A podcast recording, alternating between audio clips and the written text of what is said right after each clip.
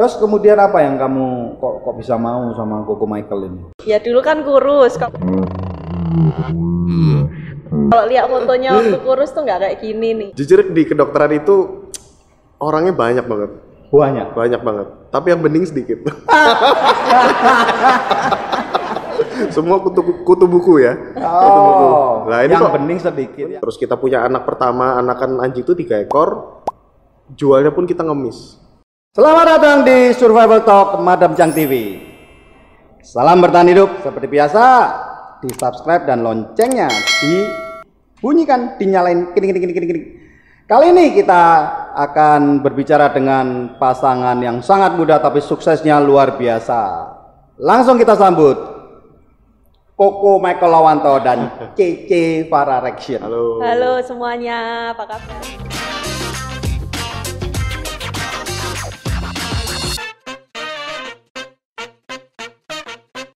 Oke dan kemudian password titik baliknya kok bisa sampai seperti hari ini di mana? Titik baliknya saat kita memutuskan jual anjing, kita mulai bisnis yang jualan snack ayam ini.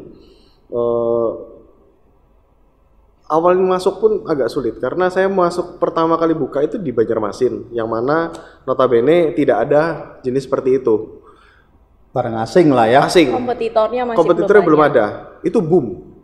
Boom langsung. Saya eh, sewa mall satu tahun hanya balik dalam waktu dua bulan. Oh. waktu itu itu gila gila-gilaan dan saya langsung bulan ketiga bulan keempat saya langsung beli rumah DP DP Surabaya? rumah tapi karena saya Ya, tidak suka Surabaya. Surabaya saya tidak suka utang bank saya in house waktu Oke. itu in house dengan biaya yang lumayan tinggi per bulannya bisa sampai 40 jutaan waktu itu saya memutuskan itu karena gara-gara saya udah punya bisnis ayam ini. Nah, baru punya satu, saya jual anjing, saya buka di Surabaya. Untuk masuk di Surabaya tidak mudah karena persaingan waktu itu udah banyak, udah ketat. Tahun berapa masuk Surabaya? Ayam itu. 2014 ya. 2000, eh, enggak, enggak, 15. 2016. 16 masuk Surabaya. iya, iya. Masuk Surabaya 2016 itu eh, persaingan sangat ketat. Apalagi mall itu selektif. Karena kalau udah ada satu jenis dia nggak mau Ya, masukin untuk lagi. melindungi yang Untuk sebelumnya, melindungi sebelumnya. Jadi saya cari mall-mall yang nggak ada dulu. Nggak ada jenis-jenisan seperti ini. Saya paling ingat di mall salah satu mall di deket di Maijen Sungkono itu sama marketingnya cuma digambar pakai pulpen. Padahal nggak ada tempat, nggak ada space karena kita memohon tiap hari. Digambar pakai pulpen kotak gitu, kamu mau nggak di sini? Saya kasih tempat kamu nyempil di sini. Digambarin pakai pulpen. Dengan tanpa panjang lebar kita mikir mau. Langsung, padahal Iya, kita langsung mau. padahal Meskipun kita tempatnya tahu jelek, tempat itu jelek, nyelempit, tapi dan ya itu udahlah. tempat mati. Ibaratnya orang lewat juga nggak ada. Tapi untung-untung kok ada yang mau ngasih tempat dulu Madam Chang pertama kali keliling mall nggak ada yang satu pun yang mau ngasih tempat. Itu dia. Ya, Tidak ada satu pun yang mau ngasih tempat siapa? Konsepnya apa? Ya, nah, lu ini kok begini? Kok nggak umum gitu loh? Oh, sempet umum nggak umum nggak dikasih tempat, nggak umum nggak boleh gitu loh ya. Jadi ya, ya itu loh sama sebetulnya kita pernah ngalamin gitu juga. betul. Sam pokoknya susah ya cari tempat tuh sampai di salah satu mall juga itu saya lagi hamil besar yang anak kedua umur 8 bulan ta pokoknya sudah besar banget itu saya ke sana sampai em, dua minggu sekali pertama ke sana oh maaf nggak bisa sudah ada saingan yang mau buka yang udah deal Tapi sambil sekolah tetap itu kan? enggak Udah selesai. Oh, sekolahnya sudah Cuma kita lagi cuti. Oke. Nah, jadi karena kita udah punya bisnis ini, bisnis ayam-ayaman kita lumayan berkembang. Jadi waktu setengah tahun pertama kita udah bisa buka lima cabang waktu itu. Pada saat itu. Karena kita fokus di sini kita cuti berdua.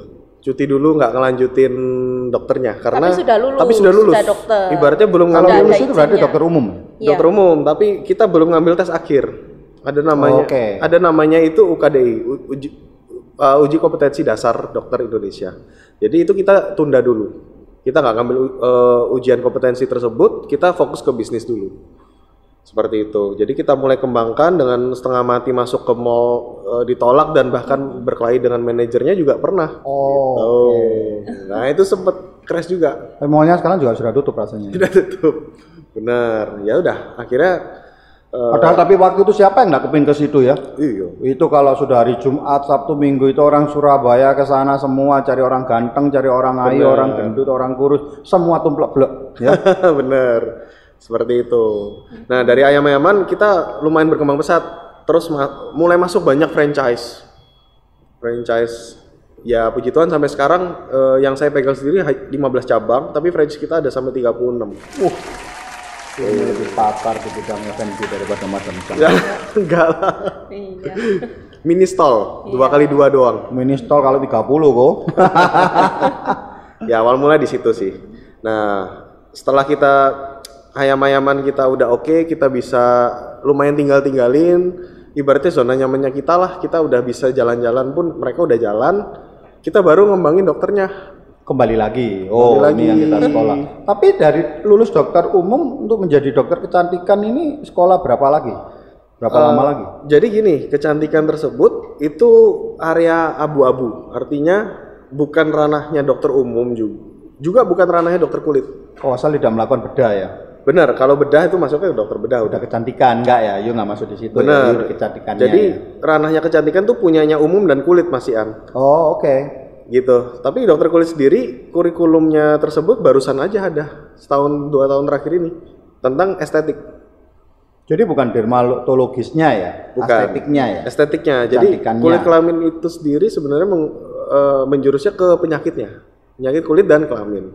Nah, untuk kecantikan sendiri belum Oh, kalau dermatologisnya itu lebih ke arah kelamin Penyakit. dan penyakit kulitnya. penyakit kulitnya Oke, bener oke. jadi untuk ngambil kecantikan itu bukan dibutuhkan sekolah yang terlalu tinggi atau lama gitu enggak kita hanya ngambil beberapa eh, apa namanya course yang mana dua bulan sebulan seperti itu cuma mungkin banyak yang diambil Ya, sampai ke Korea. sampai ke Korea juga gitu pernah kan. seperti itu tapi itu resmi dari Surabaya dari ID maksudnya ID Surabaya yang ngirim ke sana jadi bukan yang kita cuma ngambil ke sana terus daftar sendiri enggak tapi kita daftarnya dari sini resmi Oh, lo kalau orang mau praktek kedokteran kan ada izinnya ya, izin dari ID kan. Mm-mm. Tapi kalau untuk seperti rumah kecantikan gitu juga ada ID-nya juga. Ada. Ada, ada. Iya. Tapi ada nggak sih di Surabaya nggak punya izin itu? Banyak, Banyak. Kok dibiarin? banyak. Iya, Atau belum tahu? belum atau belum ditindak? ya. Belum Belum ketahuan. ketahuan mungkin. kemungkinan. Duh, belum lagi ada yang di rumah-rumah kan? Oh Banyak. iya, nggak boleh. Banyak sekali. Itu harus bentuk klinik kan. Banyak. Terutama pasien-pasien yang saat ini kita tanganin pun banyak korban-korban mereka. Jadi perbedaan dokter sama mereka yang ngerjain Abal-abal. abal-abal lah istilahnya Dokteroid. ya, dokteroid. Istilahnya dokteroid yang berlagak dokter. Eh, mungkin mereka lebih pintar dari skill karena mereka mungkin sering melakukan. Tapi perbedaannya kita sama mereka kalau ada komplikasi atau ada masalah mereka mungkin kabur. Kalau kita bisa nangani Ya mau mau cari di mana gitu loh ya. mau diapain ya bingung gimana tapi kalau kita dokter udah ngerti oh ini kejadiannya seperti ini kita bisa tanganin Kamu menangnya itu karena kamu punya background kedokteran ya. Mungkin di, di luar sana ada dokter kecantikan sekarang yang tidak punya ada nggak yang back- tidak punya atau harus ada background dokter, kedok- pasti Oh harus. gitu, nggak Semua, boleh cuma sekedar misalkan saya nih tak lihat Nggak wah bisa. Michael sama Farah nih bisnisnya enak, saya tak ke Korea aja les. Nggak bisa. banyak yang seperti Itu itu, jadi dokteroid, Itu dokter jadi dokteroid. abal-abal. Oh nggak boleh ya? Nggak boleh. Dan ID akhirnya tidak memberikan izin praktek ya. Nggak Sebe- akan. nggak akan, karena Nggak kan akan, Oh, bukan dokter. gitu, Ini kan oke. ikatan dokter Indonesia, jadi dokter yang bisa dapat izin. bener jadi mereka mereka yang mungkin mereka eh, aji mumpung ya mereka mungkin punya salon terus aji mumpung lihat pasiennya pengen ini pengen itu Wah saya masih ingat dulu salon-salon itu pada suntik-suntik orang mukanya sampai wah bener Iya. kalau nggak salah 10-15 tahun yang lalu sampai ribut di mana-mana korbannya sangat banyak itu ya. Mhm. itu dia Nah kemudian sudah berapa tahun sudah mulai menikmati kesuksesan ini? Belum sukses lah, masih. Eh, iya kalau Masih- ditanya sukses sih Iya. Saya bingung jawabnya karena sukses tuh batasannya apa saya nggak tahu jujur Batasannya beli jam itu sudah sukses. kok jam berapa kok tolong kok? Kalau masih jamnya kayak gini nih berarti belum sukses. waduh Iya kan? Eh, seriously ya toh. Perjalanan hidup yang sangat luar biasa terus mulai bisa mulai enak, bisa gini loh, artinya begini. Orang sukses menurut saya itu gini ya. Kalau sukses dalam arti keuangan dalam satu hierarki ya, dalam satu hierarki itu manusia pertama itu memenuhi kebutuhan dasar kehidupan manusia, kebutuhan primernya, primernya. Ketika orang itu tidak bisa me- me- mencukupi kebutuhan primernya, dia kan tidak masuk kebutuhan sekunder. Tapi kan kamu sudah bermain di tersier ini. Ya kan? Ya, maksudnya gini, kalau jam, beli jam, ini jam yang cuma sekedar bisa sebagai fungsi waktu. Berarti saya belinya eh, ini pun juga bukan primer karena ada yang masih jauh lebih murah daripada ini dan mungkin lebih kuat yang fungsinya hanya cuma waktu. Berarti saya beli itu untuk kebutuhannya. Tapi ini mungkin ya rada modis sedikit, ini sekunder. Tapi jamnya kamu kan sudah jam tersier, maksudnya begitu ya. Berarti kamu sudah dua level di atas orang rata-rata dalam membeli jam. Nah, mulai kapan hobi-hobi seperti itu sudah bisa fulfill? Kalau misalkan contoh lagi nih, beli sepeda. Kalau beli sepeda kan ada yang satu jutaan toh, iya toh. Nah, itu orang sepeda untuk transportasi, untuk ngantar susu, ngantar koran dan semuanya kan tidak butuh sepeda yang sampai ratusan juta ya. Nah, kamu bermain kan sudah di next level terus, main di tersier. Lah kalau orang tidak sukses financial, mana mungkin gitu loh. Nah, untuk iya benar kan ya, benar kan Benar, ya. benar. Iya. Jadi eh, teori ini benar-benar terjadi eh, lah kapan kira-kira sudah bisa bermain di ranah tersier ini? Oke. Dari tahun 2015 saat kita memutuskan untuk eh, menikah terus punya anak, sebenarnya saya su- saya sudah hobi jam sebenarnya. Kalau dari tentang jam sih saya udah hobi jam. Cuma mikirnya eh, jam ini bukan cuma yang menunjukkan luxury atau cuma menunjukkan waktu, tapi saya juga pengen yang bisa untuk investment. Sebenarnya mikirnya gitu untuk awal mula. Nah, setelah eh, saya jalanin punya jam tersebut kurang lebih enam bulan, saya jual ternyata cuan. Cuan. Baru kita mulai investment di jam. Nah, cuma kalau dua- dari 2015 sebenarnya udah kebebasan finansial udah ada. 2000 berapa? 2015. 2015. Jadi dari zaman susah kamu pertama kali nangis-nangis ke Farah berapa tahun? 2009 ya awal mula ya. Iya. 6 tahun. 2009, kurang lebih 6 tahun. Tuh subscriber, tidak ada yang tepuk tangan mau gosok apa itu? Lampu. Lampu. itu cuma adanya di film-film ya. Iya. Nah, Kuat enggak kita bertahan atau kita pasrah gitu. Bahkan mungkin banyak orang yang sudah jadi gila mungkin dalam keadaan seperti itu kan ya. 6 tahun like hell mungkin ya. Iya. like hell. Dan keluarga pun banyak yang eh, gimana ya karena basicnya keluarga saya itu tidak ada yang bisnismen sehingga mereka eh, terkesan kalau bagi saya sekarang sih dulu memperingatin cuma bagi saya nakut-nakutin jadinya. Jadi kita kayak mau maju takut diomongin kanan kiri. Misalnya nih Jadi bimbang, ragu. jadi bimbang. Padahal ah, keputusan yang kita ambil itu boom setelah itu akhirnya saya nggak peduli omongan kanan kiri saya tutup telinga kita jalanin yang keputusan kita berdua seperti itu Berarti eh, dokter MF ini klinik sudah berapa tahun buka? eh kalau dokter MF sendiri udah tiga tahun ya? Tiga tahun. tiga tahun kurang Tiga tahun and congratulations buat new outletnya ya. Di saat pandemi orang kerja susah, terima kasih kamu buka klinik baru ya. terima kasih Udah berapa? Tiga bulan? Kalau yang baru renovasi baru pindah ini kurang lebih dari Oktober ya Oktober Oh baru dua bulan ya? baru dua bulan baru pindah sebelumnya udah buka tapi ya ini ada cerita lagi sebenarnya jadi kita buka tuh nggak langsung semesta nyari ruko besar apa gitu enggak Ini yang kedua ya? Seben Enggak. enggak ini yang pertama sebenarnya Enggak, I mean pindah ke berapa? oh pindah ke tiga Ketiga. tiga ya tiga Iya. Ketiga kali Oh jadi enggak enggak kucuk-kucuk besar gitu kan? Enggak. enggak karena kita tipe orang yang memang eh, Tes pasar dulu tes pasar ya. dulu Oke ini menarik, ini menarik. Kembali lagi. Dulu beli anjing itu sampai towo-towo ke mana-mana, ngemis-ngemis gitu. Nah kalau untuk pasien pertama siapa? 01. Masih ingat nggak? Siapa yang mau dipercayain? Dulu juga ngemis-ngemis. "Dah, Ayo, kamu tak bikin ganteng. Kamu. saudara saudara sama orang tua yang dicoba pertama kali terus mereka nyebarin ke teman-temannya baru teman-temannya mulai Oke prosesnya lebih sulit mana? Jualan anjing atau cari pasien di awal-awal? Kalau awal-awal ya jualan anjing lebih sulit iya jualan anjing lebih sulit. Karena kan kita sampai keliling parkiran, Oh, oh, nyebar lebih sulit. brosur. Apa karena kamu sudah punya nama mungkin waktu itu? Enggak ada, kita enggak ada, ada. nama. Kita nggak ada Enggak, mean sendiri ketika kamu jadi dokter, kamu sudah punya nama. Oh ini dulu yang Enggak. Enggak juga juga sama-sama hubungannya ya? sama anjing Nggak ya. ada hubungannya Nggak Oh sama jadi ternyata untuk mencari pasien atau mencari customer atau apa itu Iya. klien ya? pasien. Pasien itu ternyata lebih mudah daripada jual anjing. Oh, kalau anjing susah banget. Susah banget. Kita sampai muka tebel dah. Oh karena mungkin karena ini masalah hobi ya. hobi dan Kalau juga cantik ini kebutuhan ya. Oh, oke Kayaknya ya. gitu. Ya, kayaknya Kayaknya gitu. gitu. Iya. Dan lagi anjing kan juga eh, untuk kalangan tertentu. Tidak Iya. semua orang Oke, bisa. kalau ini lebih menyeluruh. Kalau ini lebih I agree, I agree. Ini menurut saya loh ya, menurut saya kalau saya ngamatin ya. Bisnis kebutuhan hidup. Karena kecantikan sekarang ini di zaman yang sudah lebih enak ini merupakan satu kebutuhan. Hobi memang rada susah, tapi hobi kadang-kadang tidak punya nilai. Iya. Kalau suka ya nopet teo ya dibayar oh anjing gitu loh ya. Iya, iya, betul. Betul. Ada bahkan anjingnya teman saya yang ditawar satu setengah m nggak dilepas. Iya. benar. Hobi. Hobi kan. Betul. Oke, oke. Iya. Masa yang paling sulit membesarkan klinik apa? Awal-awal Awal-awal pasti paling, paling sulit.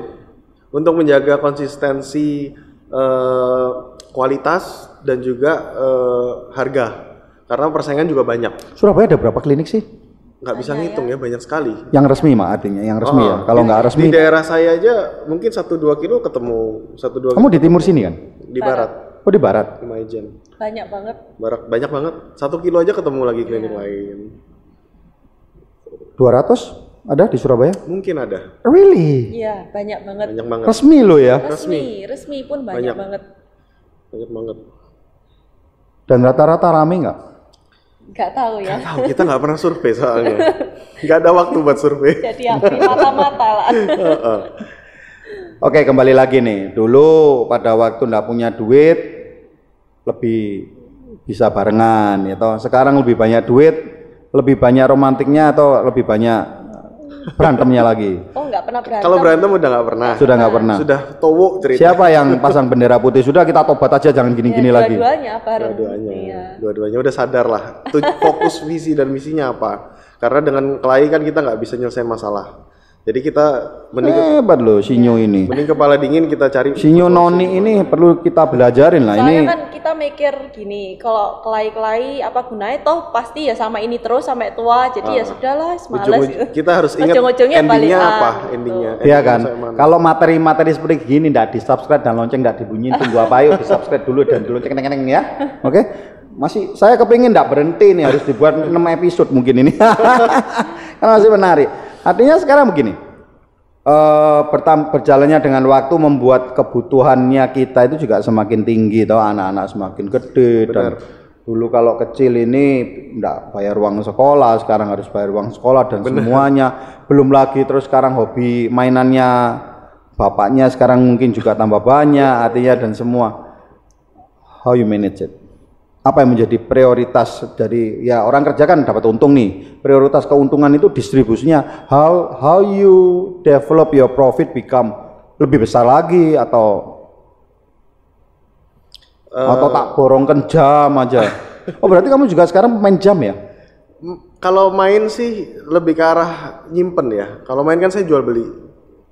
Artinya kalau harga cocok dijual gitu kan ya Ada harga cocok jual, tapi nggak nggak semestinya nggak saya nggak nawar-nawarin dah. Tapi kalau ada yang nawar ya oke lah saya lepas kalau ada yang mau. Oke, kalau tak tawar murah dilepas nggak? tak lepas kok. Janjinya dilepas.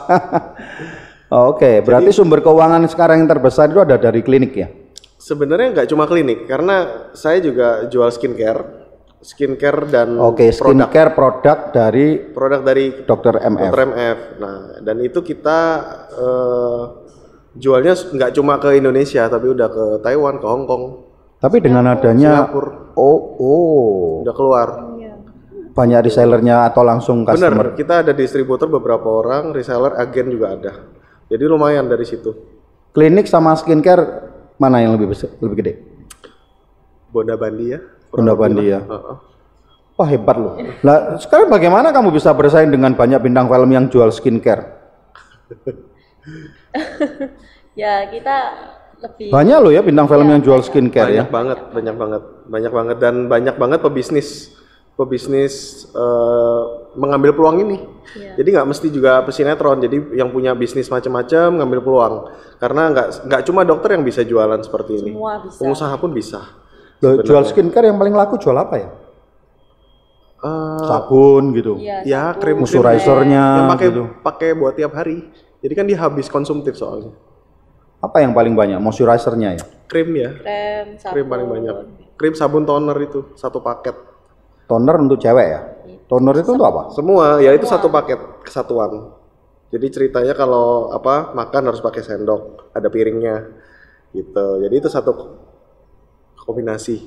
Iya. Kalau disuruh pilih nih sekarang, membesarkan industrinya, industri skincare-nya atau kliniknya? Saya tahu sih semua itu eh, saling support ya. Tapi kalau berbicara lebih fokus ke mana prioritasnya mau digedein dulu? Karena kalau kalau yang namanya klinik, kalau namanya klinik itu kan lebih setengah pasif ya orang datang baru kita garap ya. Tapi tidak bisa seagresif Iya. jual produk kan karena penduduk Indonesia itu 250 juta saya tidak tahu berapa juta orang yang butuh kan. Jadi Benar. belum lagi Hong Kong, Singapura, Malaysia gitu ya. Hmm, Benar. Kalau kita sih targetnya eh, lebih ke arah skincare-nya yang kita kembangkan. Karena untuk eh, di kedokterannya sendiri memang eh, kita ibaratnya aktif, aktif income. Artinya apa? Artinya pasien datang cari kita. Kalau kita nggak ada di sana ya uang nggak masuk. Uang besar tidak masuk. Istilahnya seperti itu. Tapi kalau skincare kita mau tidur pun dia jalan. Jadi jadi kalau uang kecil-kecil tapi banyak itu di bisnis skincare-nya ya. Bener. Karena retail ya, Tipping. consumer good ya kan. Tapi kalau bicara duit gedenya satu eh, kalau boleh tanya, boleh dijawab atau enggak? Sekali yang paling mahal treatment eh, pasien bayar berapa sih? Yang selama ini Satu orang. satu orang. Bukan beli paket ya sekali, ada bukan paket ya sekali datang dia perawatan yang paling misal misalnya aku datang ke temanku, kok aku kepingin dirawat yang paling mahal berapa? Sebenarnya gini, sebenarnya eh, untuk hal tersebut tidak ada patokan karena sesuai kebutuhan. Misalnya satu pasien kebutuhannya tidak terlalu banyak ya bayarnya mereka tidak terlalu mahal. Misalnya cuma satu treatment, mau Satu, hidup, dua Oh tergantung dengan bagus. kondisi Kebutuhannya Iya. dan mereka Kalau- pengen diapain gitu. Tapi kan ada nih orang yang datang sudah cantik, sudah Oh, ganteng, kulitnya sudah bagus, tapi kepingin aja tetap dirawat. Bener, Iya, banyak. itu lebih simpel. Itu paling cuma main laser aja, murah. Lebih murah ya? Iya, Murah meriah. murah. Oh jadi kayak aku ini yang habis banyak mungkin ya. Ya, Oke, sulit nggak membagi waktu sekarang? Sangat ya. Iya. Sangat sulit. Saya ini jujur iri sama Papa Chang. Ah! Oh, oh, iri banget. Cuma mungkin belum ke tahap situ, belum ke level situ. Mungkin waktu mudanya juga bak sulit. Maksudnya gini, waktunya produktif banget mungkin. Sekarang saya lihat Papa Chang kalau liburan tuh lama, sekali liburan lama. Dulu zamannya sebelum sebelum pandemi, sekali ke Amerika satu bulan, ya toh, sebulan setengah. Saya pengen loh kayak gitu. It- bagi saya kesuksesan itu ya kayak gitu. Kebebasan. Kebebasan. Waktu. Eh, tapi gini loh ya, kalau saya ini sering ngobrol sama temen-temen nih. Bapak Cang, enak ya, aku kepingin loh. Belum tentu kamu bisa menikmati loh. Karena hobinya bisa beda. Benar. Saya punya temen itu hobinya kalau dia ngantor mulai pagi dan pulangnya tengah malam, ya itu dia hobi. Dia kalau pergi keluar kota, dia menderita. Nah terus dia selalu ngomong sama saya, loh nggak bisa, itu hobimu memang Kerja. mencari kesibukan dan kamu merasa hidup ini berarti ketika kamu ada di kantormu. Tapi bagi saya, saya itu adalah orang eh, petualang. Saya itu suka kalau petualang gitu loh ya. Jadi Traveling. Iya lah satu satu hari juga ada nih teman saya ini teman cukup baik, mamanya dia ajak datang ke tempat saya. Kita ngobrol di Madem Cang Darmo Permai ini. Kok mamiku ngomong ngono supaya bisa jalan-jalan di usi- usianya. Lalu aku tanya, "Ai, ah, ini suka apa?" Aku ini suka kerja. Ya sudah tak bilang anaknya, jangan dipaksa. Dia holiday stress. Benar-benar. Holiday stress.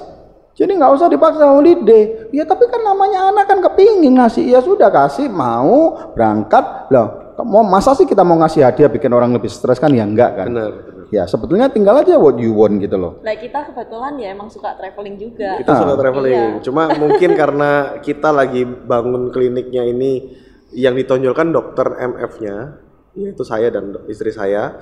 Jadi pasien-pasien memang rata-rata datang cari kitanya. Jadi kalau kita tinggal dua minggu gitu, misalnya kita keluar negeri dua minggu, itu udah se- sebelum kita berangkat sampai seminggu dua minggu. Kadang-kadang orang nggak mau dipegang oleh orang lain ya. Nggak mau dipegang sama dokter yang lain. Padahal saya punya dokter juga. Ada berapa? hire. Ada satu. Jadi kita bertiga di sana sebenarnya. Cuma ya memang rata-rata yang di yang pasien mau ya sama kita berdua. Seperti itu. Jadi waktunya kita ini yang bakal terkuras setelahnya. Jadi dua minggu setelah kita pulang itu udah kita Before and afternya itu. before and afternya kita kerja kayak kerja rodi. Tapi gini loh, kalau kamu memang suka travel, suka atau tidak suka kamu harus balance. Karena one day kamu jangan sampai hidup dalam penyesalan. Karena Iya. satu hari itu ada yang namanya kurva itu harus kurva turun.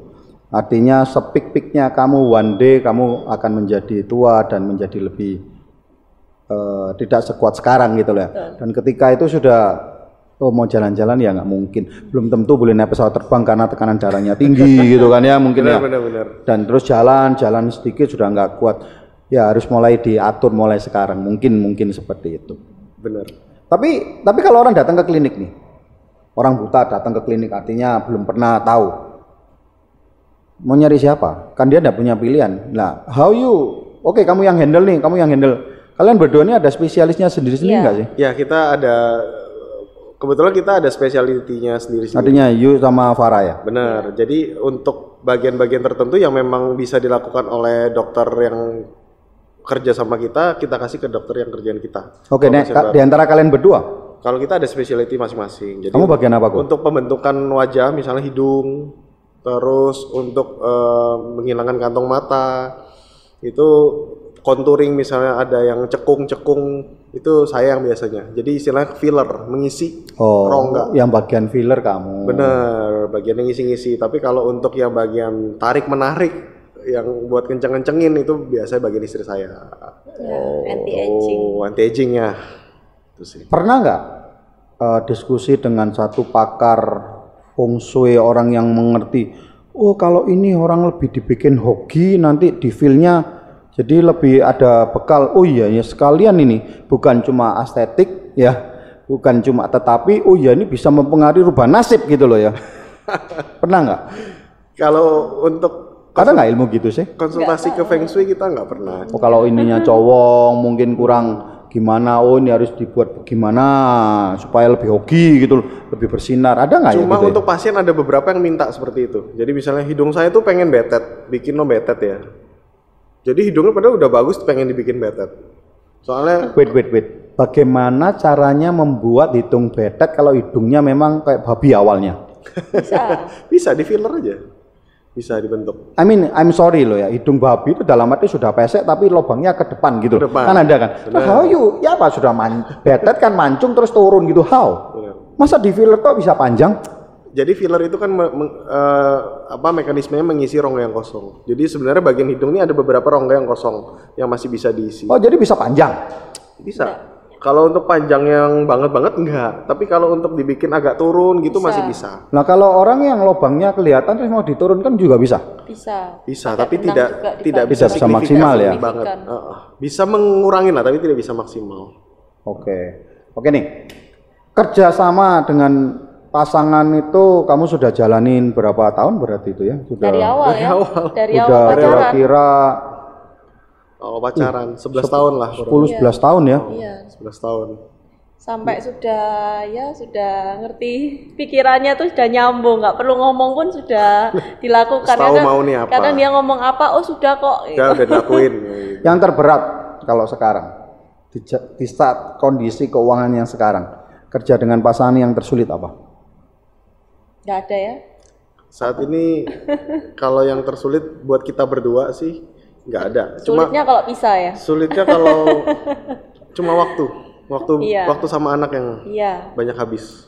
Kamu lebih spend bersama-sama tapi bersama pasangan Bersama, Iya. tidak dengan anak Ya ya. karena kan kerjanya bareng satu Kerja ruangan gitu satu Jadi tempat. di satu sisi seneng karena bareng sama istri terus, satu sisi ketemu anak waktu bangun Waktunya tidur aja kurang. sama tidur malam. Nah, anak siapa yang jaga? Ada ada yang jaga. Anak saya udah gede-gede. Kebetulan kalau sebelum pandemi kegiatannya memang dari pagi sampai sore, pagi sampai sore. Mm, les, Terus les, renang Ini dan gara-gara lain-lain. Gara-gara aja. pandemi di rumah. Nah, pas pandemi ini ada ada ada mama saya sama papa saya. Jadi pas sama mereka terus setiap hari. Itu. Oke, yang terakhir nih, panjang banget sudah. Eh, bisnisnya selain eh, klinik, terus skincare, eh, jual beli jam, terus apa lagi? Ayam itu. Ayam, ayam, ayaman ini. Ayam-ayam.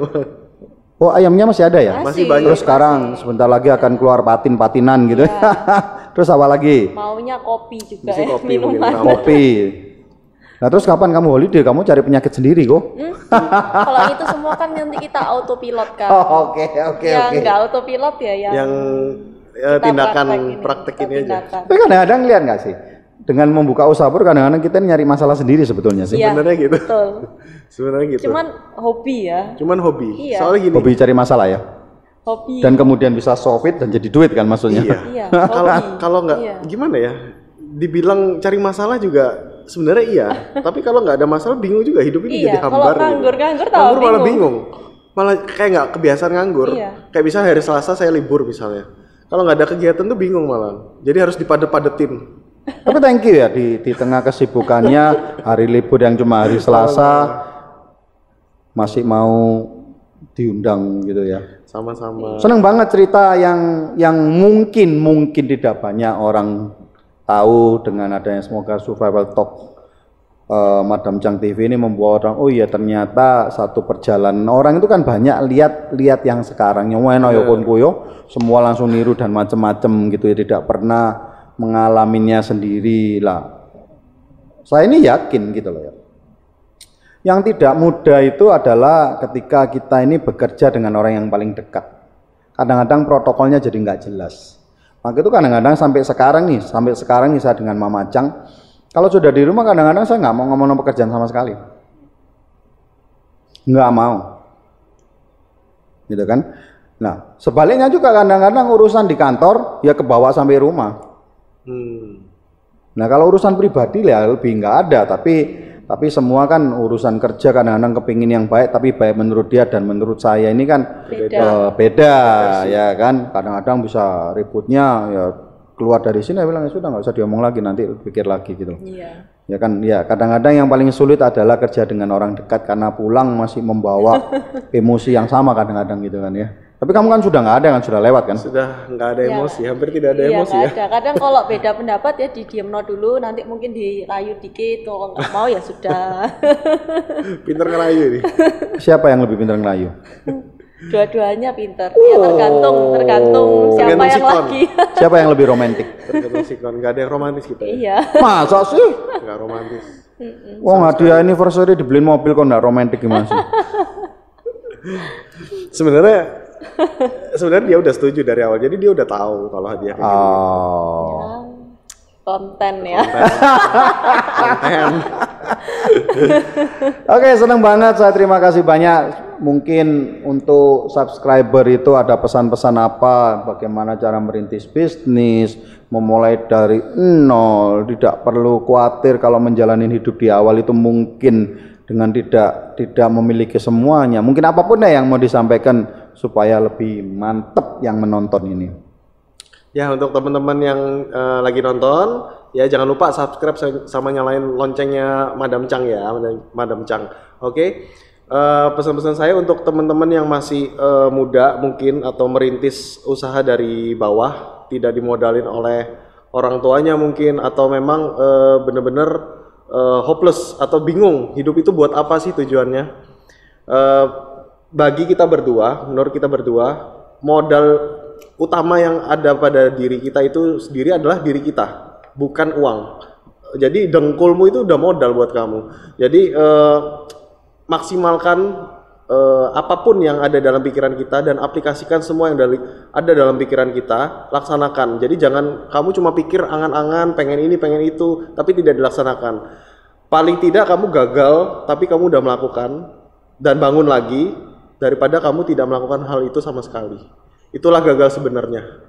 Itu Ya. kalau menurut saya gitu sih. Ya pokoknya langsung aja action. Action. Nggak usah banyak alasan dan yang pasti harus muka tebel juga ya. Nggak usah nggak usah malu-malu gengsi usah malu. gengsi gengsi mau kerja. Benar, kalau usaha yang penting nggak usah malu. Gitu. Tapi andai kata masih ada rasa malunya dan kepin muka tebal, silakan kunjungi kedua dokter ini untuk ditebalkan mukanya terlebih dahulu. Bisa ya dok ya? Bisa, bisa. Oke, luar biasa. Thank you. Ingat ya, kalau kamu punya dengkul jangan omdoh gitu ya. Iya. Kecuali nggak punya dengkul ya. Oke. Terima kasih, sukses selalu apa pun impiannya. thank you. Semoga satu hari saya bisa eh, main-main ke situ, ya toh. Satu hari bisa melihat lagi bisnis kamu yang baru-baru lagi. Dan jangan lupa ngundang saya kali ini. Amin, amin, amin, amin, amin. Sukses semuanya, sehat-sehat selalu, anak-anak sehat-sehat dan pendidikannya semua lancar. apa pun yang diinginkan pasti tercapai dengan gaya-gaya seperti ini. Amin. Terima kasih. Thank you. Salam bertahan hidup. Iya, Salam bertahan hidup. Jangan lupa subscribe. Salam bertahan hidup.